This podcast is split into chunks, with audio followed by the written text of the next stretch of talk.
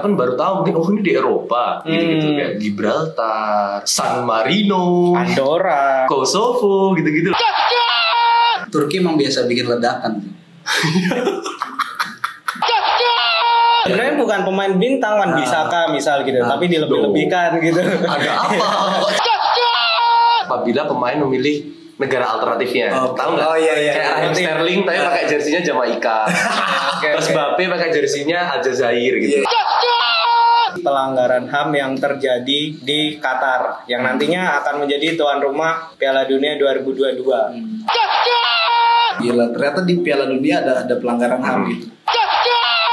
Di balik gegap gempita dan pujiannya itu sebetulnya banyak problem sih. ambisi negara yang pengen instan mendapatkan devisa yang menumpuk gitu loh dari event internasional. Kan human rights on, On and off the pitch.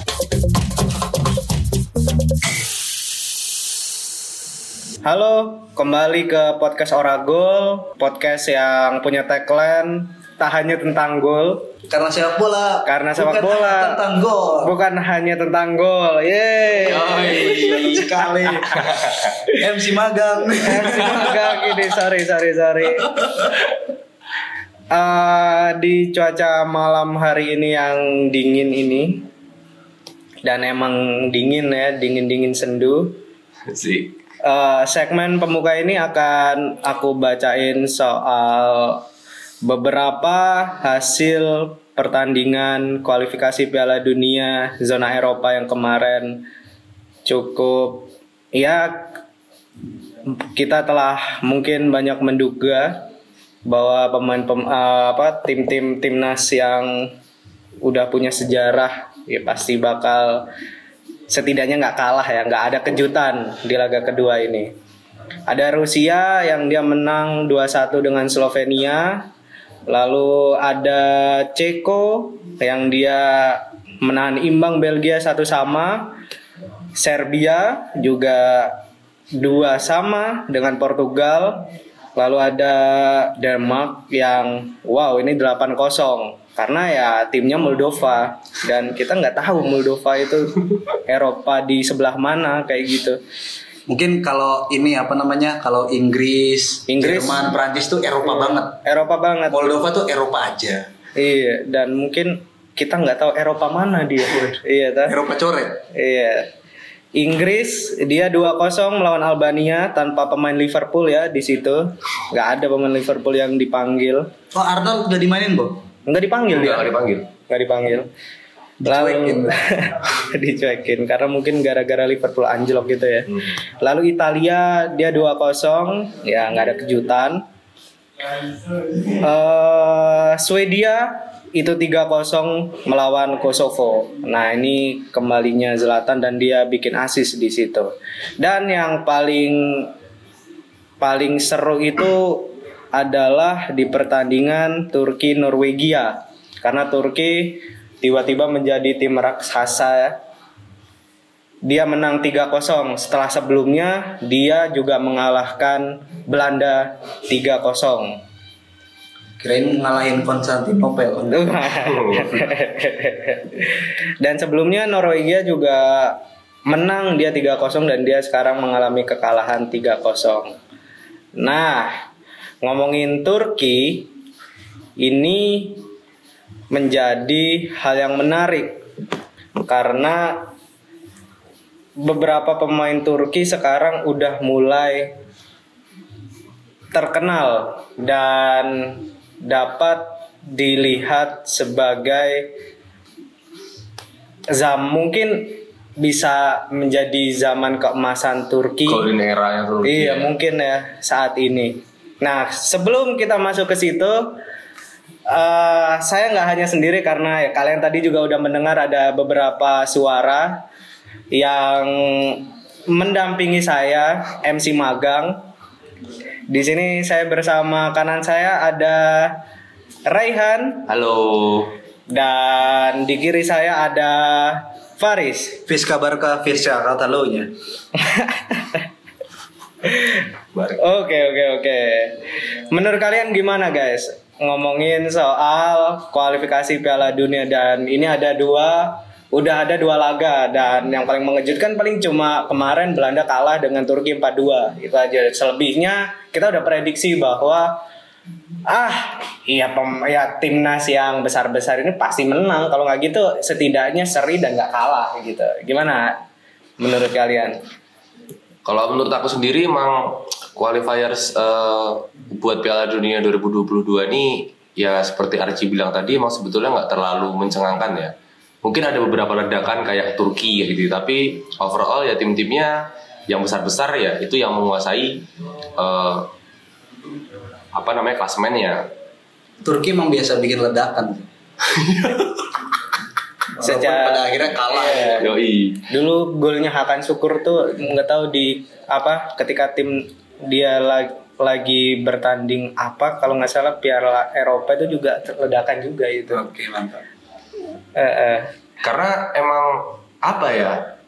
Kalau kita ngomongin kekuatan sepak bola Eropa sebetulnya juga nggak sesuperior yang kita bayangkan cuy. Maksudnya di Eropa juga ada negara-negara yang kita pun baru tahu mungkin oh ini di Eropa gitu-gitu Hmm. kayak Gibraltar, San Marino, Andorra Kosovo gitu-gitu loh. Maksudnya itu negara yang kayak beberapa tahun baru merdeka kayak Kosovo kan baru merdeka kan Iya. dari apa namanya Bosnia Herzegovina kalau nggak salah. Cuman kalau aku yang menariknya ini sih Turki sih memang eh, unpredictable dan mungkin kayak Arsi bilang mungkin ini golden era Turki ya. Setelah Belgia ya waktu itu Setelah Belgia. Dunia 2018 kan dia kan banyak pemainnya yang udah malang melintang di Eropa dan jadi pemain penting dan sekarang kayaknya Turki. Terus yang kedua aku menarik juga sebetulnya Italia tuh yang menang 2-0 lawan Bulgaria ya. Lawan Bulgaria kan. iya Nah, jadi yang menarik itu sebenarnya di Italia adalah akhirnya Andrea Belotti nyekor lagi. Belottinya Torino. Karena di timnas kan Mancini kan bingung nih, dia mau terus-menerus pakai eh, Immobile atau pakai si Belotti. Karena dari 10 pertandingan terakhir Itali kayak Belotti cuma lima kali main dan udah lama banget nggak nyekor dan di headline-headline berita Italia akhirnya Belotti nyekor lagi gitu itu menarik banget dan mungkin yang paling kontroversial dan karena disorot sebagai pemain bintang dunia ya Ronaldo dan Portugal ya yang ngamuk-ngamuk ke wasit gitu. tapi di wawancaranya Ronaldo bilang loh ya siapa yang nggak sakit hati bahkan saya ketika satu negara saya merasakan ini seperti kami dizolimi ya saya marah. Dia Dia, kayak pakai pendekatan ini, pendekatan birokrasi ke masyarakat. iya. Tapi ngomongin soal pertandingan yang berakhir imbang 20 dua dua lawan dua sepa, apa namanya Portugal dan Portugal dan Serbia. Serbia itu eh, emang di kualifikasi Piala Dunia kali ini tuh tidak memakai VAR gitu. Oh, Dan itu iya. Sebelumnya gue pengen ini. Eh tapi ya nggak apa lah. Menurut gue, gue nggak ngikutin apa international break karena menurut gue tuh kecintaan kita terhadap bola di Iya. musim yang sedang bergulir itu kayak kecintaan kita sama pacar kita yang tiba-tiba dia harus pergi gitu untuk beberapa saat dan kita emang pasnya lagi mesra-mesranya gitu. Internasional Oh, itu international break kayak oke. gitu. Ya, Terus dalam momen itu eh, tiba-tiba pas kita balik ketemu lagi sama pacar kita, pacar kita cedera gitu.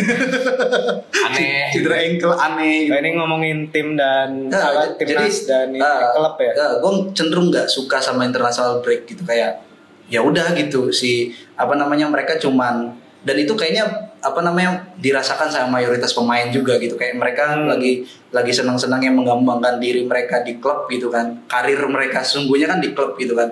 Di di timnas kan cuman memenuhi panggilan nasionalisme yang kayaknya orang-orang Eropa lebih lebih dalam lah ngomongin nasionalisme itu apa gitu. Kayak ya udahlah gitu menang ya udah. Dan ini kan cuma sebatas kualifikasi gitu. Dan kelihatan banget dari hasil-hasil yang tadi kalian eh, sebutin kayak status quo Eropa Barat itu kan masih Ya. sangat sangat terjaga gitu Yoi. kayak Rehan nyebutin negara-negara Eropa coret tadi kan yang kayak ya udah lu cuman memenuhi panggilan FIFA doang gitu sama kayak negara-negara ya kayak negara kita juga yang Asia ya Tenggara udah, ya. Asia Tenggara gitu. Nah, ya, dan secara apa namanya kalau ngomongin kualifikasi Piala Dunia kan timpang banget kan ngomongin Asia yang benua terluas di dunia itu kan sangat jauh sekali gitu apa namanya eh, perjalanannya gitu loh Yoi. buat ya lagi-lagi dipimpin oleh status quo negara-negara Asia Timur gitu. Kayak gitulah Tapi sebetulnya nih ada yang lebih nggak suka international break daripada kue sendiri sebetulnya. siapa Mau tahu nggak siapa? pelatih Jurgen Klopp Bukan. Apa? Orang-orang kayak Edin Zeko, ya Oh. kan dia harus ke Bosnia, dia tahu bakal kalah. gitu. dia dipanggil, dia tahu kalah. Edin Dzeko Aubameyang, Kolar- Kolarov. Kolarov. Dia kayak ya gimana nggak seneng dia di klub bertemu Iya. pemain dengan talenta terbaik di seluruh dunia di satu klub. Dia di AS Roma Hmm. kan sekarang. Terus dia dipanggil di Bosnia gitu. Dia tahu oke kita bakal kalah gitu kan. Itu kan sakit apalagi kayak Aubameyang. Hmm. Ada yang lebih benci international break daripada gue sih. tapi aku sih berharap Yanto Basna nggak gitu sih Oh iya. yang kebas nah Yanto Basna nasionalis Egi. oh, Egi kan Asnawi. Walaupun Liga Thailand kan cukup stabil kan, gitu. Ah. cukup stabil. Yanto Basna main di situ dan punya karir, tapi dia nasionalis lah. Kalau dipanggil timnas ya, Mas. Tapi mungkin itu juga apa yang dirasakan oleh Halan ya. Karena sampai dua laga ini dia belum gacor coy di Belum nyekor ya? belum dia di Dortmund bisa dipastikan Iya. hampir tiap laga dia Nah. bisa nyetak gol. Nah, menurutku itu dua poin yang berbeda sih. Rehan itu bilang ya apa namanya pemain-pemain yang jago di klub tapi pas eh, eh sama ya? Sama. Kolarov jago Sorry. dan dan apa namanya dia di sebuah klub yang lumayan. AS Roma sekarang lumayan kan? Enggak enggak. Lumayan mengkhawatirkan sebetulnya. Enggak, Dan menurutku apa bagus. namanya kita menyaksikan Alan. Serie A sekarang tuh kayak Serie A Serie A di zaman Orba. Inter, AC Milan, AS Roma, Lazio itu mereka jadi tim yang lumayan bersaing gitu. Iya. lumayan. Eh, jadi waktu itu kan kita terkekang gitu. Eh. gua nggak tahu sih, gua nggak tahu sih, tidak mengalami gitu, tidak relate. Cuman bahwa bapak kita zaman dulu kan merasa diri terkekang, hidup tidak punya ekspresi gitu. Serie A gitu hiburan. Kembali ke Eropa, kembali ke Eropa, kembali ke Eropa. Itu nanti Serie A nanti dulu karena jeda internasional coy. Jeda internasional.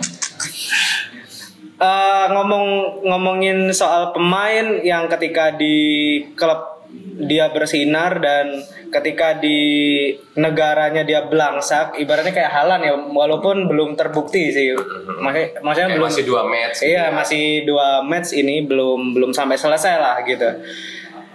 Dan itu tapi nggak terjadi loh sama Messi. Messi itu ketika di tim Barca dia Iya, iya. dikelilingi pemain bintang. Di Argentina pun sebenarnya juga sama. Nggak kalah ya? Nggak kalah, nggak kalah bintang. Kecuali mungkin di area kiper ya yang kadang kita nggak tahu siapa. Iya toh. tapi ya tapi ya tetap kayak gitu. Kayak kayak kayak negara itu nggak nggak bisa berkutik gitu. Halan pun juga gitu. Dua dua match. Mungkin di Argentina bukan pemain bintang, tapi pemain Hmm. bulan. Kalau di Barcelona kan pemain bintang, Messi bulannya. Oke. Ya kan? Kalau di Argentina pemain bulan. Jadi muter bareng-bareng nggak jelas. Messi bulan, bulan ketemu bulan. Ih, jadi satu Jadi bulan-bulanan. jadi bulan-bulanan. Iya sih, tapi ngomong-ngomong soal pemain yang kayak gitu ya, yang di klubnya jago, di negaranya ya tadi gue bilang belangsa kayak gitu, sebetulnya Norwegia tuh nggak seburuk yang kita kira juga nggak sih? Maksudnya eh, Norwegia kan juga sedang kayak memasuki golden era kalau menurutku ya, kayak mereka ada Odegaard, ya kan, ada Haaland, terus ada siapa yang dipinjemin ke AC Milan sekarang itu? Ada juga itu terus pemainnya mana? Maksudnya mereka cukup cukup inilah Hmm. tapi ya pertanyaan Archie sebetulnya tadi cukup ini sih. Iya sih ya, beberapa tim tuh juga diberi pemain-pemain besar tapi itu juga nggak bisa menghasilkan apa pun juga. Ya kayak Inggris, Inggris lah. Iya, Inggris. lah. Iya. Inggris. Bahkan Belanda setelah eranya Marco van Basten dan kawan-kawan, lihat aja sekarang. Ya jauh banget lah Marco van Basten dan Tapi kawan-kawan. kan dia pernah melewati fase kayak Robben, Van Persie, Schneider. Ya, itu kan Van golden era juga itu. Tapi nggak jadi apa-apa juga. Tapi kan masuk final dia. Tapi nggak 2010. juara. Ya kan emang Spanyol gila waktu itu. Di Argentina juga masuk final, nggak Inggris juara. Masuk final. Tapi tetap bapuk juga sih akhirnya ya nggak sih? Kipernya Sergio Romero. Setelah itu tahu nggak siapa? Nggak tahu kan? ini siapa namanya? Siapa? Siapa sih Adan ya? Apa sih? Ayo nggak Adan. Adan, Adan. Akbar, Allah. Iya. Adan. Caballero tuh mana sih negaranya? Ah, Willy Caballero, ya Willy Caballero. Argentina kan? Argentina.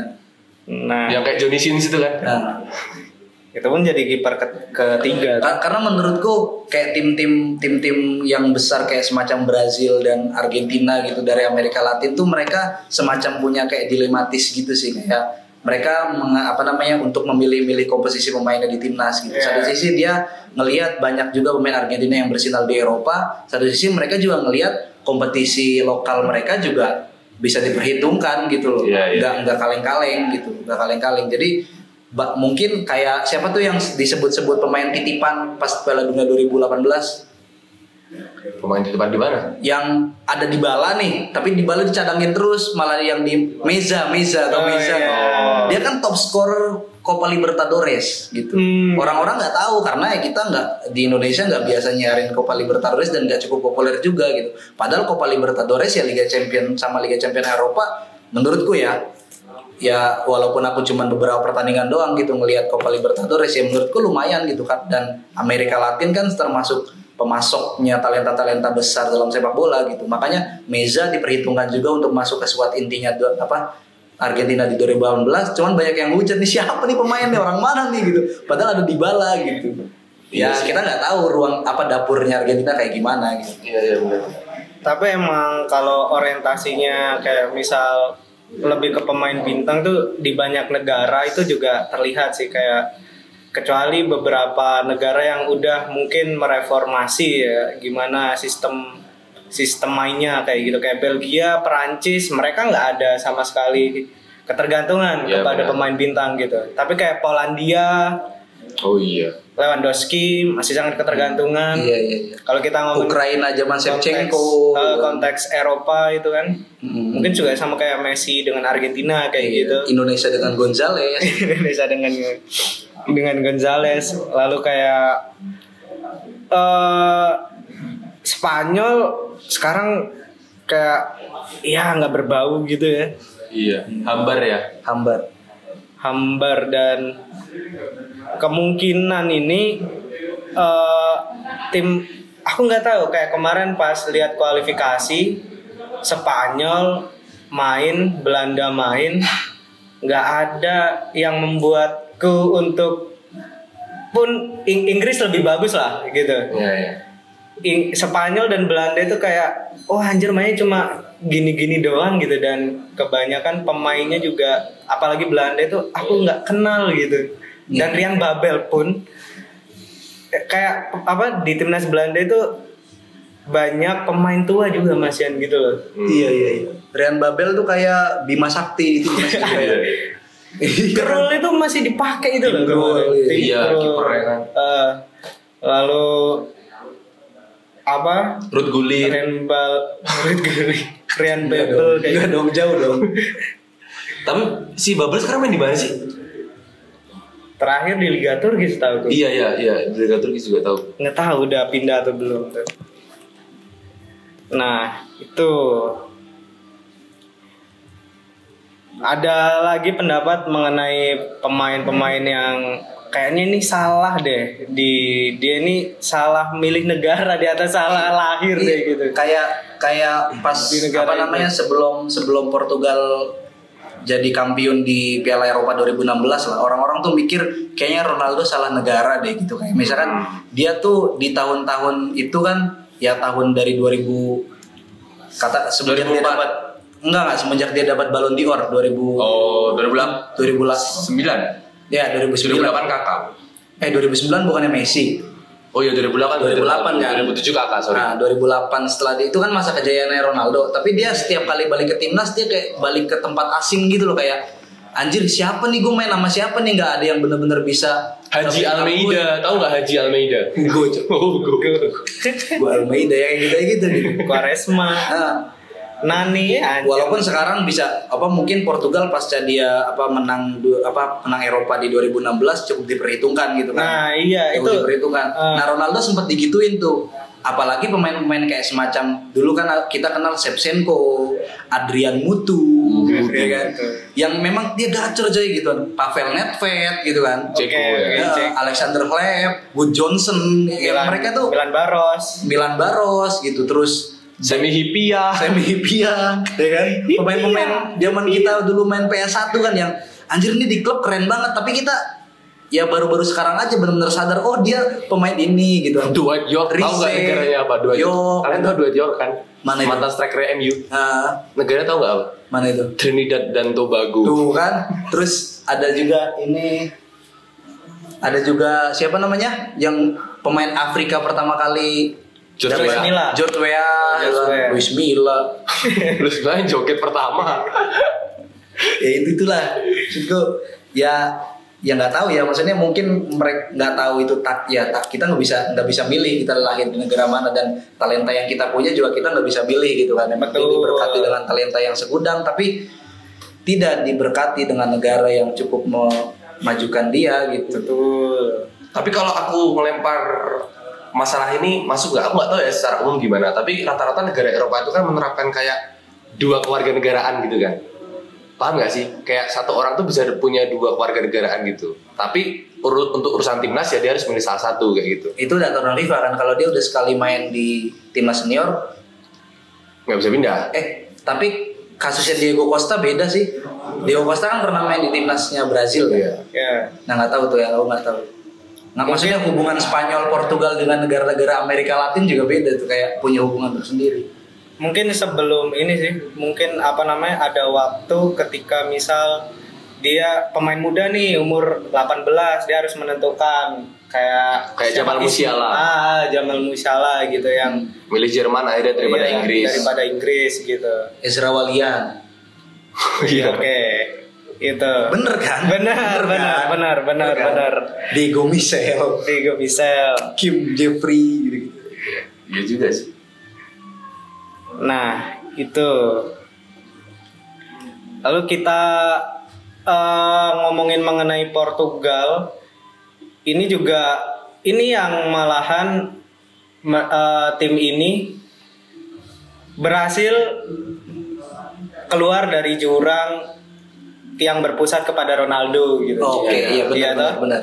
Nah, kayak kayak kayak Argentina kan dia masih dalam jurang itu jurang Iya. yang sama Ah. dia masih berpusat dengan dengan Messi Messi, sentris ya? iya Messi dengan sentris, Messi lalu juga Swedia pun sama masih Ibra banget. Masih ya. Ibra, Katanya Ibra udah pensiun, Ibra, tapi ya? masih aja. ya. Iya. ya karena dia dilihat bagus dan wih mungkin bisa nih jadi dinding gitu Atau federasi depan, sepak gitu. bolanya Swedia ke trigger sama itu apa namanya? Yang pas tes fisik tuh nggak yang fisiknya Ibra itu masih kayak orang 20 tahun. Oh, iya, Gitu. iya. Kayak, Bisa jadi. Wah pemain muda nih gitu gitu. belum belum tua gitu. dan tapi di lain sisi kadang kepemimpinan ini yang susah dicari kayak misal Inggris lah gitu Inggris di ya kita di- dari depan sampai dari belakang kita tahu semua mereka adalah pemain bintang atau bukan pemain bintang yang dilebih-lebihkan oleh media Inggris dan kita yang banyak menyerap media Inggris. Iya, Oke. iya. Iya atau bisa aja Iya, iya. sebenarnya bukan pemain bintang Wan Nah. Bisaka misal gitu, Nah. tapi dilebih-lebihkan gitu. Ada apa? Kok contohnya Wan Bisaka gitu loh. Kenapa nggak Arnold ya? gitu? Iya, dia nggak dipanggil. iya toh. Nah, hal mungkin hal-hal kayak gitu gitu dan sekarang kepemimpinan juga agak susah gitu. Ini kan hal yang sangat kompleks toh. Masalah sepak bola. Hal-hal seperti itu. Kayak ngomongin one player in one country kayak gitu lah, in Iya, one iya. in one team gitu. Ah, Ada hal apa lagi yang bisa kalian share di sini? Kalau aku sih emang itu sih aku aku kadang mikirnya gini aja sih kalau ngomongin apa namanya pentas sepak bola internasional yang mau pakai negara-negara gitu. Aku suka lihat tuh uh, konten-kontennya 433 433 Oke, gitu terus nah, kayak One menarik. Football atau Bleacher Report Football, BR Oke, Football gitu. nah. Mereka suka kayak beberapa kali bikin konten bahasa Inggris ya, aku lupa sih, tapi bahasa Inggrisnya gini, membayangkan apabila pemain memilih negara alternatifnya, Oke. tahu nggak? Oh, iya, iya, kayak iya. Raheem Ngerti. Sterling tapi pakai jersinya Jamaika. Terus oke. Mbappe pakai jersinya Aljazair gitu. Iya, iya, Aku iya. merasa apakah dengan metode Ozil seperti Turki pasti kan. Mm. Tidak mungkin Ozil Malaysia kan kan. nggak mungkin. Apalagi Timor Leste nyasar banget kan. Maksudnya aku mikirnya nih, aku membayangkan apa namanya di universe yang lain ketika sepak bola itu kayak kekuatannya merata gitu loh. Ah, ah. Bayangin aja Turki udah berapa orang di Jerman. Emre Can, Gundogan. Gundogan, terus siapa tadi? Ozil. Dan Omar Toprak enggak Omar Toprak. Omar Toprak kayaknya emang ngetoprak-toprak doang dia. gitu. Hakan Calhanoglu lah. Gue ngefans sama Hakan Calhanoglu. Dia tuh kan hampir kan masuk timnas Jerman setahu karena dia kan pernah dibayar Leverkusen kan. Iya iya iya. Gitu-gitu maksudnya aku kadang kalau ngomongin internasional itu sih. Bayangin Hypotik, hypothetical gitu ya. Iya. gitu ya. Apalagi Gitu. mm, apalagi bayangin tuh uh, waktu 2018 Prancis juara Piala Dunia, salah satu med aku lupa media apa, dia tuh gambarnya tuh karikaturnya tuh kayak Kante, Pogba, terus pemain kulit hitam itu, itu dia kayak naik perahu menuju Eropa, paham nggak sih? Iya iya. Terus mereka tuh kayak bawa piala gitu menuju ke Prancis gitu. Aku membayangkan Prancis tanpa semua pemain asing, maksudnya asing dalam artian Keturunan, keturunan keturunan. gitu, pure orang-orang asli. Ah. Ya Olivier Giroud dan kawan-kawan selaku Koscielny, gitu. nama-nama Prancis banget gitu. Iya, kayak gitu. Koscielny. Aku bayanginnya gitu aja sih. Makanya wah keren juga ya kayaknya ketika ngelihat Bape seorang bintang baru yang lahir dan nationality-nya adalah Aljazair. Apalagi Zidane, Zidane kan juga Aljazair coy. Bayangin aja. Itu zaman gue kecil tuh namanya hampir ketuker sih sama merek drum Zildian. Iya. Hampir ketuker tuh. Iya, itu aja sih mungkin tapi keresahanku kalau kamu bayangin itu aku sih ngomongin jeda internasional apalagi pertandingan-pertandingan kualifikasi kualifikasi Piala Dunia, aku malah membayangkan Indonesia jadi tuan rumah Piala Dunia, men. Yang aku bayangin ini bakal seru nih nanti di stasiun Lempuyangan ada hooligan Inggris sama pen, ultras Itali berantem, Berantem. Berantem. pusing gitu Gimana ini? terjadi keributan di stasiun Gambir gitu pendukung Rusia ketemu sama pendukung mana aja bule-bule ribut ya kan itulah pokoknya ya Tapi kualifikasi Piala Dunia 2022 ini yang menarik kemarin adalah yang menjadi exposure oleh media juga ya. Itu adalah mengenai sikap Oh ya. dari masih dua timnas ini. Dua timnas eh empat federasi oke Empat federasi. Iya, Oh. empat federasi dari dari di Eropa itu kontingen Eropa beberapa negara di Eropa itu menyikapi pelanggaran HAM yang terjadi di Qatar yang nantinya akan menjadi tuan rumah Piala Dunia 2022 gitu. ini Serehan bikin ini kan bikin laporan kan Iya, laporan itu agak agak lengkap. Iya. Kukira itu kayak tulisan Wow, ini tulisan sekretaris dari Amnesty International atau gimana ini? kayak dia habis ikut jumpa persnya mereka terus kayak kayak somat Tapi serius aku, Langsung nih, tapi serius aku nulis itu bener-bener Amnesty International tuh aku bacain semua cuy. Kayak makanya yang ke The Guardian dan segala macam tuh kayak satu sisi emang gila sih.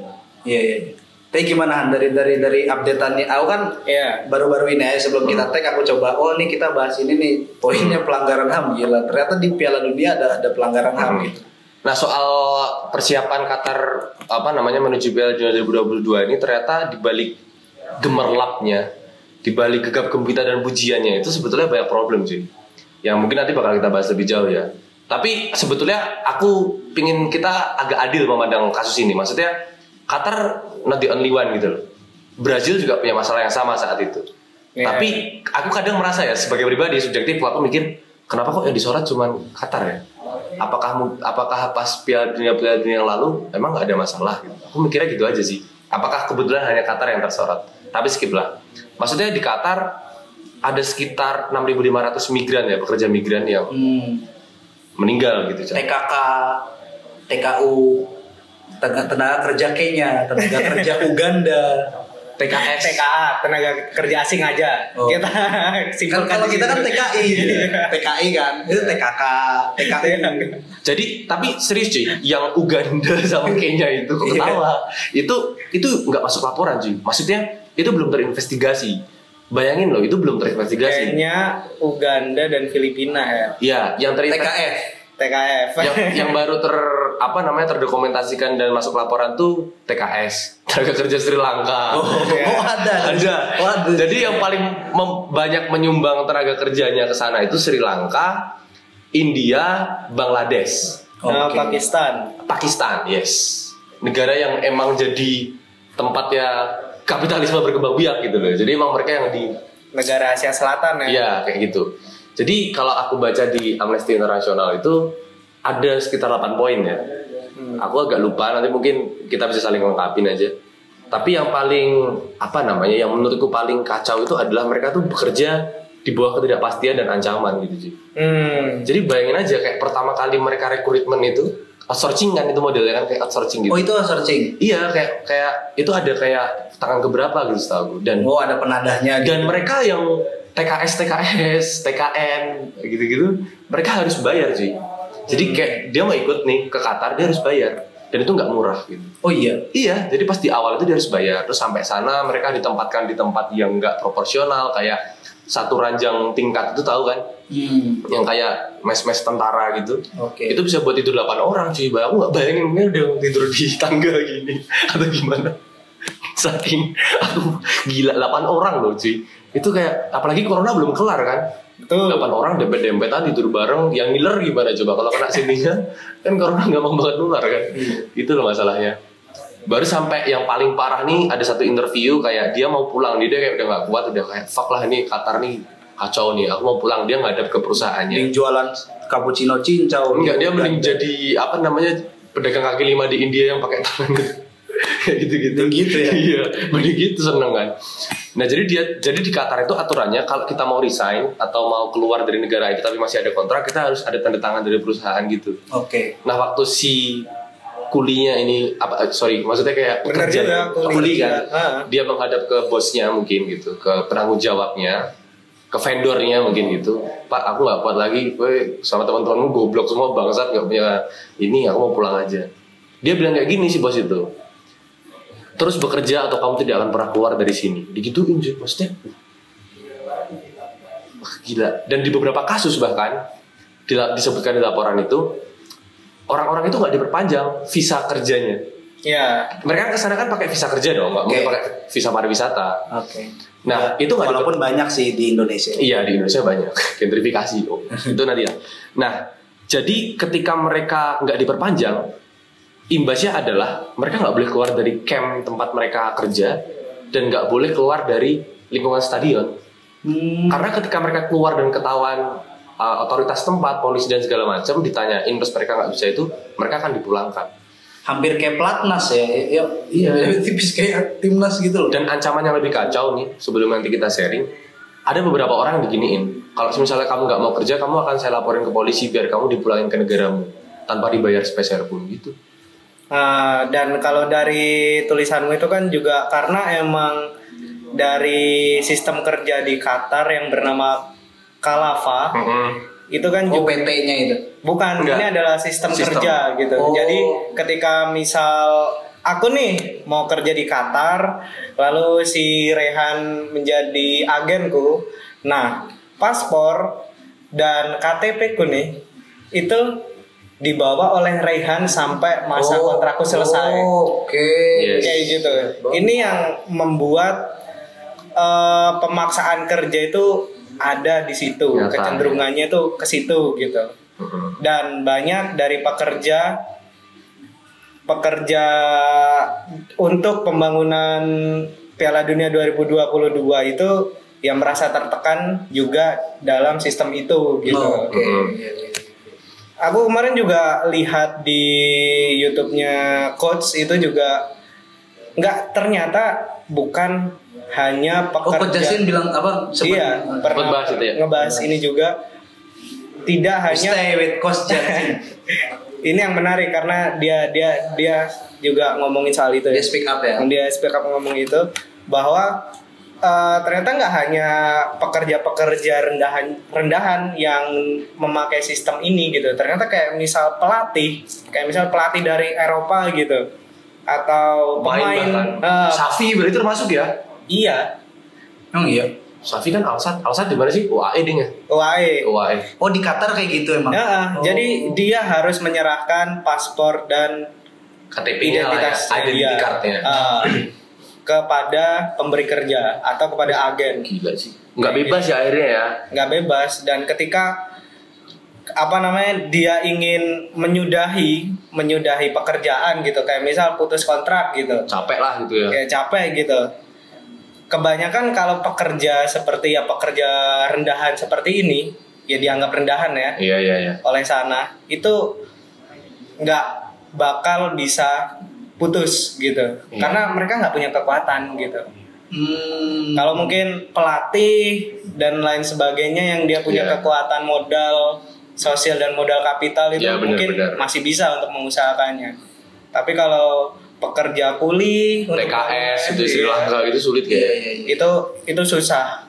maka dari itu nah kalau kata Amnesty Inter- Internasional di tulisannya Raihan itu kan perbu- perbudakan modern gitu Iya, iya, iya. nah maka dari itu eh, Norwegia kembali aku tadi ngomong bahwa timnas Norwegia itu sebelum pertandingan pertama dan kedua mereka terus menyatakan gitu bentuk bahwa ada yang salah nih gitu di Qatar. Di ajang Piala Dunia musim dingin Qatar 2022 dan mereka memakai ba- kaos bertuliskan human rights on, On and off the pitch kayak gitu.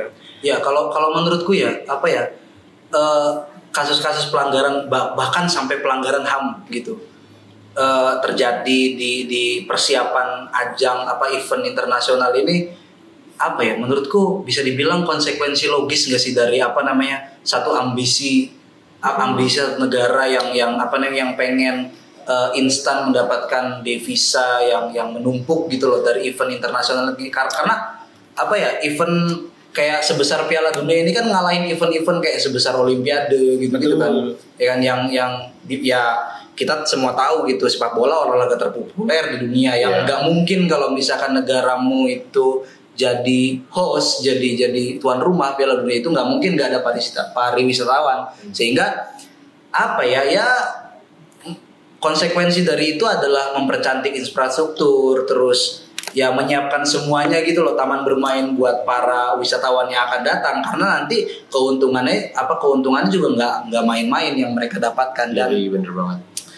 dan kalau aku di di kalau dibandingkan dengan skala yang lebih kecil misalkan aku pernah terlibat di event-event yang ada gitu sebagai volunteer dan sebagai ini itu emang kerap terjadi sih. Kayak misalkan eksploitasi terhadap orang yang uh, bekerja di untuk mempersiapkan baik itu pra pas acara hari H atau pascanya pun benar-benar ada semacam eksploitasi gitu. Apa pun narasinya gitu, apa pun narasinya, apa pun judulnya kayak wah kita kita akan menjadi tim yang timnya nggak sekedar tim tapi kita keluarga gitu, wah shit gitu kayak Iya. kayak apaan sih gitu, udahlah gue kerja kerja di sini. ya maksudnya? Iya iya, iya ya bisa dibilang kan apa namanya pekerja-pekerja yang apa namanya yang sekarang ada lagi membangun apa lagi membangun stadion-stadion untuk jadi tem- apa tempat pertandingan di Qatar kan ya mereka juga bagian dari event organizer gitu kan Benar. Betul. eh, di pra persi apa persiapan Piala Dunianya sebelum Piala Dunia dimulai gitu. Dia Hmm. mereka hitungannya orang apa penyelenggara event gitu maksudnya di event. Cuman kan eh, nggak tahu ya mungkin sumber daya manusia yang di, di Qatar itu terlalu apa namanya terlalu sedikit atau jangan-jangan memang eh, orang Qatar itu nggak mau mengorbankan bangsanya sendiri untuk dieksploitasi sehingga datengin datengin TKS TKK gitu gitu kita nggak tahu gitu kan. Mungkin nanti kita bisa Tapi bisa jadi dua-duanya betul pak, karena Qatar ini kan negara kecil ya, di Iya, iya. Teluk gitu. Dan Teluk, emang ah. menjadi ladang minyak nomor tiga lah Hmm. di Pemasok ya. iya pemasok minyak. secara nasionalisme Tiga. secara nasionalisme bagus tapi secara moral nggak ada Nah, itu ya. Ironisnya Moral- seperti moral itu. internasional Tapi emang kalau dari awal pemilihannya pun ini eh, banyak kontroversial lah. Kayak kemarin baru terbukti bahwa Sepp Blatter itu kan menerima suap oh ketika iya. pemilihan ini 2010 gitu ya? 2010 karena ketika pemilihan ini tuh kan yang paling diunggulkan dulu kan Amerika Serikat lah. Kalau nggak gitu setidak-tidaknya adalah Australia gitu. Hmm. tapi ternyata nggak ada apa-apa nggak ada angin nggak ada hujan tiba-tiba Qatar Assalamualaikum. ada aku sih gitu gitu Assalamualaikum dan tangan kiri memegang banyak dolar Fulus. fulus iya toh iya iya iya Tapi Dan- ini cuy, apa Ci? Pas eh, apa namanya? Aku sepakat tuh sama apa namanya kemungkinan ada ketersambungan antara Sepp Blatter tersu- disuap itu.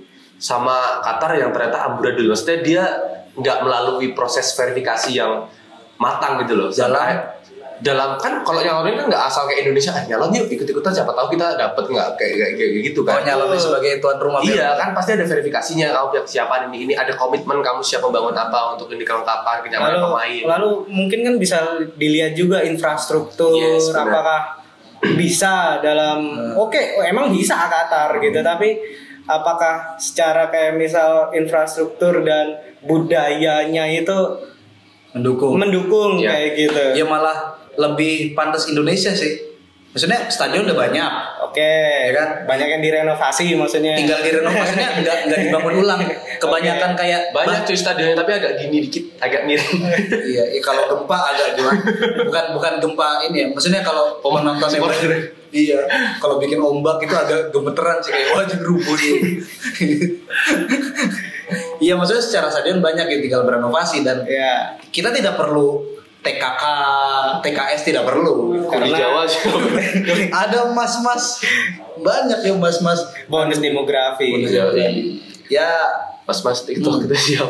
sangat ambisius sih menurutku Iya, iya. apa am- apa Qatar itu ya tapi gimana ya ya dia apa namanya adalah satu dari beberapa negara di Timur Tengah yang menjadi OKB gitu kan orang kaya baru dan dan dunia pun kayak ya udah ngiyain aja ya udah lu punya uang lu merasa mampu jadi Sok, ya. dan toh di apa namanya di di pas-pasannya emang jatahnya Asia untuk jadi apa namanya untuk jadi Gilirannya ya. gilirannya bukan dunia sih yang untuk memilih dia tapi FIFA ya ya Saat FIFA itu. ya kita tahu lah bro bro kayak FIFA kayak gimana gitu Karena ini cuy, yang aku membuat eh, apa namanya salah satu yang aku soroti juga dari laporan itu, aku analisis dan aku berpikir gini aja. Qatar itu kan bukan negara sepak bola cuy ya. betul Itu Qatar bukan ya kultur sepak bolanya memang ya ya gitu doang kayak mana sih negara di semenanjung Arab gitu atau negara-negara yang di ya mayoritas di orang Muslim di Timur Tengah gitu yang sepak bolanya cukup cukup bagus selain nggak Iran Arab Saudi sih Iya. yang maksudnya yang Iya, jalan yang paling disorot ya kan Langganan. Iran ada Ali Daei yang sekarang top skor 109 gol Ah. all leading top scorer di pentas internasional. Nah karena memang dia nggak punya culture sepak bola yang kuat, jadinya memang dia tuh sampai bangun beberapa stadion baru gitu loh cuy. iya mendadak bangun gitu Iya, jadi mendadak dibangun kalau nggak salah itu mereka tuh bakal pakai 8 stadion. Jadi dia menggenjot 8 pembangunan stadion dan yang bisa dikatakan rampung dan siap pakai itu baru tiga. iya, iya. Tapi maksudnya gini, pas 2020 lalu pas presiden FIFA sekarang si siapa namanya Infantino ya, Iya. Gianni siapa itu? iya iya Galian nih Galian Galian. waktu dia ke Qatar dia dia muji tuh coy di 2020 dia bilang waktu itu dia bilang kayak enam bulan terakhir ketika dunia dilanda pandemi Qatar jadi satu-satunya negara yang tetap konstan bangun. Ini kan pertanyaan nggak sih? dia ngebangunnya pakai game coy kayak COC itu pakai cheat kalau Age of Empire ayo ayo Iya, beli game dia tuh beli ini Ya kayak gitu cuy, maksudnya oh gila sih. Berarti kan indikasinya dua yang bisa kita sorot. Pertama dia dapat mungkin dapat sponsor dan suntikan dana yang banyak banget. Yang kedua jelas ada bentuk kerja yang sangat keras gitu loh. Yang itu pasti mengorbankan banyak hal termasuk hak asasi Ya. manusia mungkin. makanya tadi aku bilang konsekuensi logisnya ya mempertaruhkan kemanusiaan tadi gitu Tapi kan kalau kita pakai standarisasi moral lagi-lagi kita kan nggak bisa bilang ya itu konsekuensi logis cuy. Maksudnya Iya konsekuensi logis yang nggak bisa sama sekali nggak bisa kita terima. Yes gitu. Maksudnya ini bakal jadi satu panggung yang semua orang bakal bersukaria. Tapi mungkin pas gelaran dibuka kick off match pertama mungkin ada keluarga yang belum bisa pulang, ada yang tertawa udah meninggal di Qatar, terus keluarganya yang di Sri Lanka masih kemiskinan. Nah, ngomongin itu digelar atau enggak, sebenarnya emang dari beberapa timnas dan federasi itu ini ada nih kayak misal obrolan mengenai boykot atau tidak Ah, gitu. Oke. Karena selain kontroversial dalam pemilihannya itu juga mereka ya sebelum sebelum sebelum ada pelanggaran HAM ini mereka udah mikir nih kayak beberapa federasi di Eropa gitu. Wah, kalau di Qatar kita main di summer gitu bulan Juni itu kan akan sangat panas sekali gitu. Oh iya. Bisa sampai Ya 40 biasa status quo-nya sepak bola Eropa itu kan Iya. Iya, 45 derajat lah dan itu di Brazil aja sampai mereka nggak kuat ada aturan water break Iya. Nah, Itu baru tuh di Brazil gitu. Ngapain? eh? dan nggak masuk akal gitu toh di di di suhu suhu setinggi itu kayak gitu sepanas Bagi itu, orang gitu. Eropa. bagi orang Eropa gitu mungkin juga bagi bagi bagi orang Asia Ih, juga bagi- Asia Timur gitu Ih kebon jauh FC mah Klub Tarkam di tempatku Wah itu mah gas aja aja Gas aja oh. lalu setelah itu diketahui ada pelanggaran HAM dan wah lebih banyak yang menyuarakan yang masuk sana. eh, menyuarakan ayo boykot boykot boykot boykot gitu kayak beberapa pema apa beberapa tim di divisi atas Liga Norwegia itu kan Rosenborg. Iya, itu menyuarakan hal seperti itu. Tapi ketika federasi-federasi ini ditanya apakah memboikot atau enggak, mereka apa namanya masih walaupun menolak pelanggaran HAM, tapi mereka menolak untuk memboikot. Oh, Karena ya oke. untuk konsekuensi apa namanya logisnya mereka itu eh, bilang seperti ini. Ya sepak bola ini akan berjalan dan kita ke sana setidaknya kita bisa melihat pelanggaran HAM itu ada atau tidak di balik Piala Dunia 2022 gitu. Parah sih maksudku Nah itu itu yang kau, kau tadi bilang kan gitu. Iya sih. Di balik gemerlapnya itu Yoi. mereka Kayak- ingin melihat gitu. Emang bener atau enggak sih gitu. Kayak Rusia kan Maksudnya yang baru kemarin Rusia kan terselenggara bukan kar- bukan Tidak ada kontroversi kan Pas final Prancis Kroasia tuh nggak ada yang orang-orang Iya. yang masuk itu loh Iya. Band- Cewek-cewek. band indie Rusia ya Iya kan itu ada band indie Rusia yang masuk Wah lari-lari kan Eh. Lari-lari itu kan Wah menurutku Ini jangan dikejar nih biar dia nyanyi atau, atau ngejam di situ kan. Karena kita udah tahu siapa yang juara gitu loh maksudnya Betul, betul, betul, betul. Jadi ya kayaknya kalau misalnya kita bener-bener update gitu kan apa kita kita rajin baca soal gelaran Piala Dunia dari tahun ke tahun ya kayaknya udah kayak langganan masalah aja sih. Karena tadi gitu loh event Piala Dunia itu adalah eh, ambisi dari negara itu sendiri gitu loh. FIFA mah kayak kayak tukang lelang aja gitu. Eh yang laris yang laris yang laris. Dia kayak apa namanya nggak nggak kalau dilihat pakai skala yang lebih kecil ya kayak pasaran murah gitu loh. Yang dia tuh memanfaatkan kegandrungan orang-orang untuk apa namanya kecil apa namanya kegandrungan negara-negara dengan sepak bola gitu. Ambisi-ambisi devisa tadi gitu kan. Untuk ayo siapa nih siapa nih? gitu. Yang yang lebih gede nominalnya kita terima gitu. Ya makanya itu nggak mungkin nggak ada masalah gitu loh Iya, FIFA ini kayak boomernya gitu ya. yang hanya melihat kapital tapi dan apa namanya generasi saat ini kan juga ya melihat Iya. permasalahan itu Bandar judi, aku tadi kan Iya. mikirin diksi itu enggak ini. Bandar judi. Kasar nggak sih ngomongin FIFA kayak gitu tuh? ya nggak apa Iya. Pantes kan. Dari tulisanmu juga kau punya insight apa ketika ngelihat oh ternyata di Qatar ini ada 6.500 pekerja migran yang dinyatakan meninggal ya. Pas kamu nulis itu nggak ada tukang kebab kan? Kok tukang kebab? Kan sini kan bakso. Qatar. Oh iya. Nggak ada tukang Kebab Turki Bapak. Nggak ada tukang tukang ini kan apa? Bentar, bentar makanan itu mana?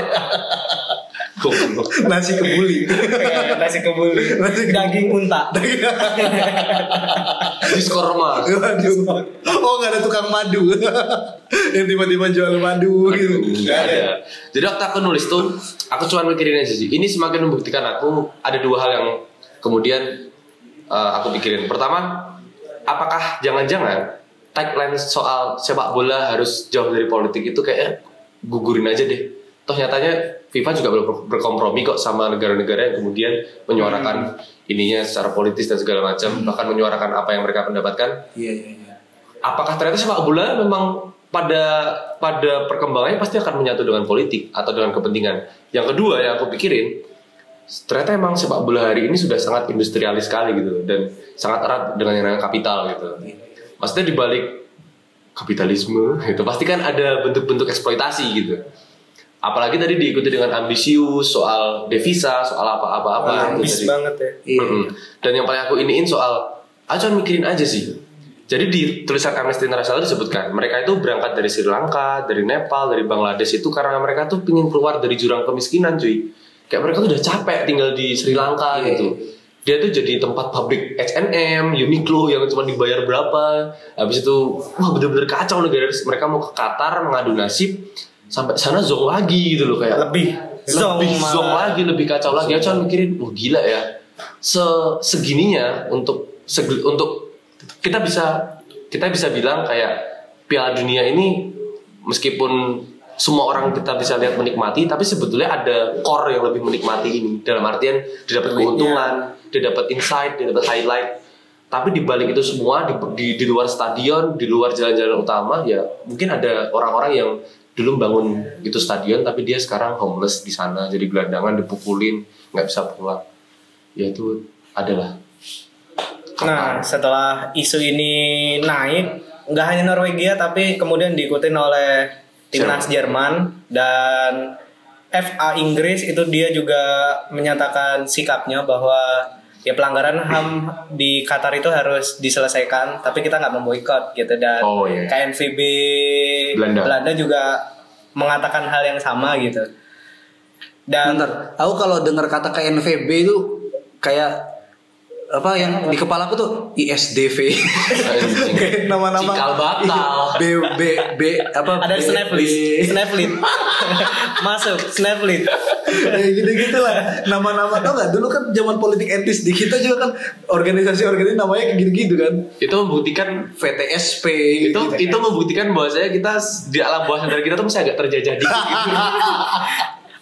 atau itu pengetahuan sejarah pak Oke, Iya, oke. ya mungkin kayak gitu Positive thinkingnya. Hmm, dan menjadi seru adalah melihat uh, siapa lagi nih dan bagaimana besok 2002 dua- 2022 itu di Piala di Piala Dunia ini seperti apa? Apakah lanjut? Apakah gimana gitu ta? Yoi. Dan timnas-timnas siapa lagi nih yang akan menyuarakan hal sama? La- kayak gitu? lanjut tanpa pelanggaran HAM karena sepak bola kan milik kita semua gitu kan. Ya, Nah, pelanggaran HAM yang nggak kita mau. Masa hibu demi menyajikan hiburan kepada kita banyak mayat-mayat kita juga nggak mau dong gitu kan. Iya dong. disajikan hiburan mereka jaga apa namanya ya apa keindahan itu kan selalu terjadi di setiap Piala Dunia gitu kan.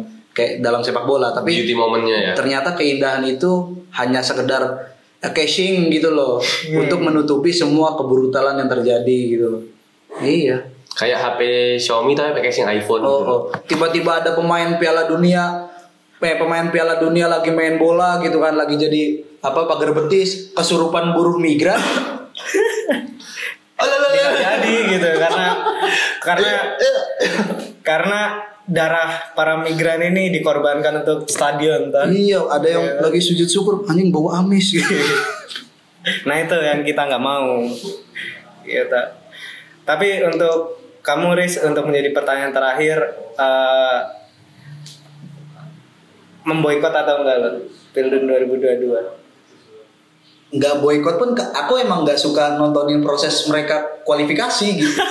Jadi oh, berarti emang yang pada intinya lu nggak nggak suka timnas tim Eh, eh, nasional ya? Iya nggak suka internasional break gitu kayak pertandingan timnas apaan sih gitu kayak Ganggu Udah, ya, ah, ya. ntar aja nunggu Piala Dunia jadi gitu. Piala Ah. Dunia kalau misalnya Piala Dunia terselenggara ya udah gitu nonton. Tapi nanti bakal tetap nonton toh? Non- ya nonton lah kenapa gitu. Karena bagus ya. Bagus. Paling paling nanti ini apa biasanya kan aku cerewet ya kalau sambil nonton bola tuh di Twitter Ah. cerewet mungkin sambil inilah sambil ya sebelum menonton pertandingan antara Jerman dan Brazil kita kirimkan Al-Fatihah untuk Bapak gitu gitu. Karena kan ya Allah kita juga nggak boleh lah.